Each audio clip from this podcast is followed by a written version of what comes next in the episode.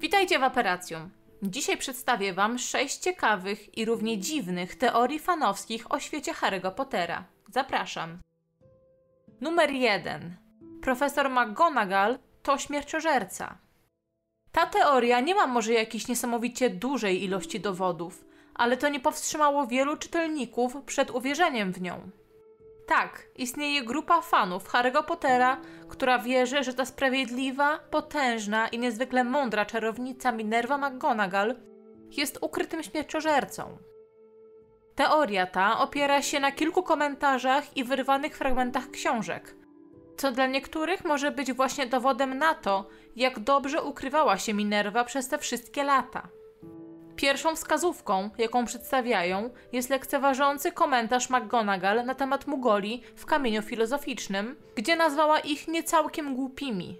Jako kolejny dowód jej oszustwa przytaczają również jej miłość do Quidditcha, czyli sportu często powodującego podziały między domami. Na poparcie teorii można też przytoczyć fakt, że McGonagall potrafiła się transmutować, a transmutacja jest postrzegana jako ukrywanie swojego prawdziwego ja. Kolejną zastanawiającą rzeczą jest narażanie uczniów i lekceważenie ich bezpieczeństwa. Za przykład podać można wysłanie dzieci za karę do zakazanego lasu pełnego niebezpiecznych stworzeń. Fani teorii postrzegają to zachowanie jako celowe narażenie Harego na niebezpieczeństwo, z nadzieją, że zostanie zabity, co uszczęśliwiłoby Lorda Voldemorta. Numer 2. Arthur Weasley był pod klątwą Imperius. Zgodnie z tą teorią, głowa rodziny Weasleyów, Arthur, został objęty klątwą Imperius przez Voldemorta i jego śmierciożerców podczas dojścia Czarnego Pana do władzy, co czyni go jedną z niewielu osób na całym świecie, które faktycznie byłyby pod wpływem tej klątwy. W tamtym czasie Weasley byłby młodym, dobrze zapowiadającym się członkiem Ministerstwa Magii, co czyniło go idealnym celem dla śmierciożerców, którzy chcieli mieć swojego człowieka w ministerstwie. Przytacza się również szczególną nienawiść Artura do Lucjusza Malfoja za jego uniewinnienie w zarzuceniu owej klątwy, a także jego silny szacunek do szalonookiego Moody'ego, który zgodnie z teorią był aurorem, który badał sprawy Artura i zdał sobie sprawę, że mówi on prawdę. Jako kolejny przykład podać można rozmowę Bartiego Croucha Juniora, który pod przebraniem za Alastora Moody'ego poprosił Rona o opowiedzenie o jednej z kląt niewybaczalnych. Ron powiedział właśnie o klątwie Imperius, na co Moody zareagował mówiąc, że jego ojciec dobrze zna tę klątwę. Numer 3. Harry miał halucynacje żyjąc w schowku pod schodami. Tej okropnie przygnębiającej teorii cała seria jest w rzeczywistości tylko snem stworzonym przez głodującego i przygnębionego Harego, tkwiącego w ciemności w schowku rodziny Dursleyów. Na temat tego typu teorii wypowiedziała się sama autorka sagi. Jej uwagi pojawiły się w odpowiedzi na zakulisowy wywiad ze scenarzystą Steve'em Clovesem, który pisząc swoją adaptację pierwszego filmu, wymyślił pająka, z którym Harry mógł rozmawiać w swoim pokoiku, aby widzowie mogli pomyśleć, że pojawienie się Hagrida jest halucynacją chłopca. Sama Rowling przyznała, że sugerowano jej nieraz, że Harry oszalał i wszystko, co przeczytaliśmy, było wytworem jego wyobraźni. Nie zaprzeczyła jednak tej teorii. Numer 4. Quirrell próbował pozbyć się Neville'a podczas jego pierwszej lekcji latania. Wszyscy pamiętamy scenę, w której Neville prawie zginął podczas swojej pierwszej lekcji latania w Hogwarcie, co utwierdziło go w roli niezdarnego, ale dobrodusznego gryfona.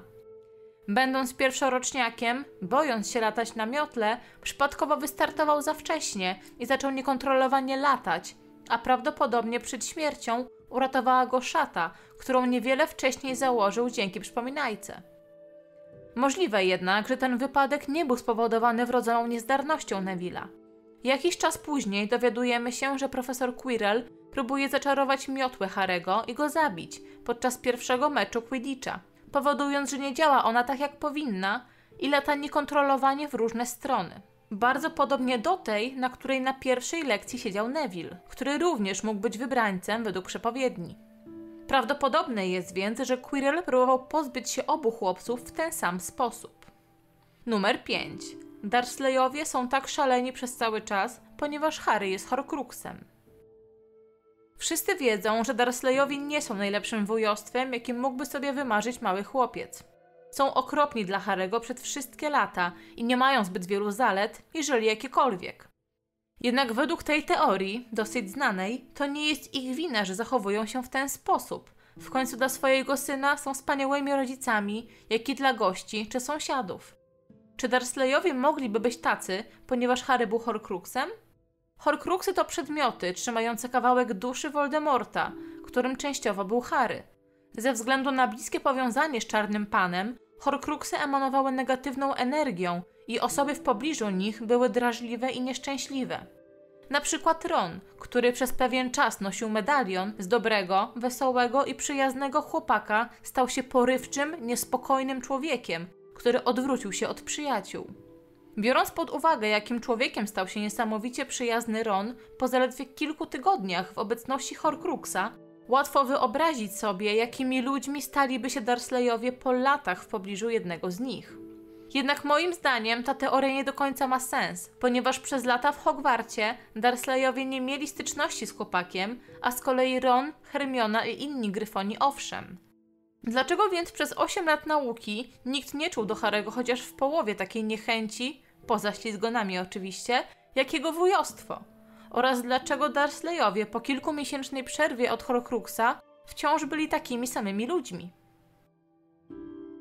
Numer 6. Dumbledore to śmierć.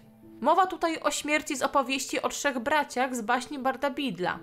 Historia opowiada o trzech braciach, którzy próbują oszukać śmierć i w nagrodę dostają od niej kamień skrzeszenia, pelerynę niewidkę i czarną różdżkę. Wiele osób porównuje trzech braci do Harego, Voldemorta i Snape'a, chociaż słyszałam też o wersji, w której jednym bratem jest Dumbledore. W tej teorii Voldemort jest najstarszym bratem, który wierzy, że może pokonać śmierć, dlatego też stworzył Horcruxy i ostatecznie upada przez swoje ego oraz posiada czarną różdżkę. Snape jest drugim bratem, który stracił swoją miłość i przez całe życie skupia się tylko na tej stracie. Ten jest posiadaczem kamienia wskrzeszenia. Oraz najmłodszy Harry, który dostaje pelerynę niewidkę i ukrywa się przed śmiercią, zanim sam postanawia przed nią stanąć. Jak zauważyli niektórzy czytelnicy, Dumbledore może być również kojarzony z tą historią jako śmierć. Nie tylko jest odpowiedzialny za upadek Voldemorta i Snape'a, ale jest także tym, który powitał Harego na King's Cross w Limbo, a ponadto to on dał Haremu pelerynę niewidkę, tak jak to śmierć daje ją najmłodszemu. Sama Rowling poparła tę teorię na Twitterze, nazywając ją swoją ulubioną i mówiąc, że jest to piękna i pasująca teoria. To wszystko na dziś. Dajcie znać, czy chcielibyście usłyszeć więcej teorii i na brodę Merlina dajcie łapkę w górę.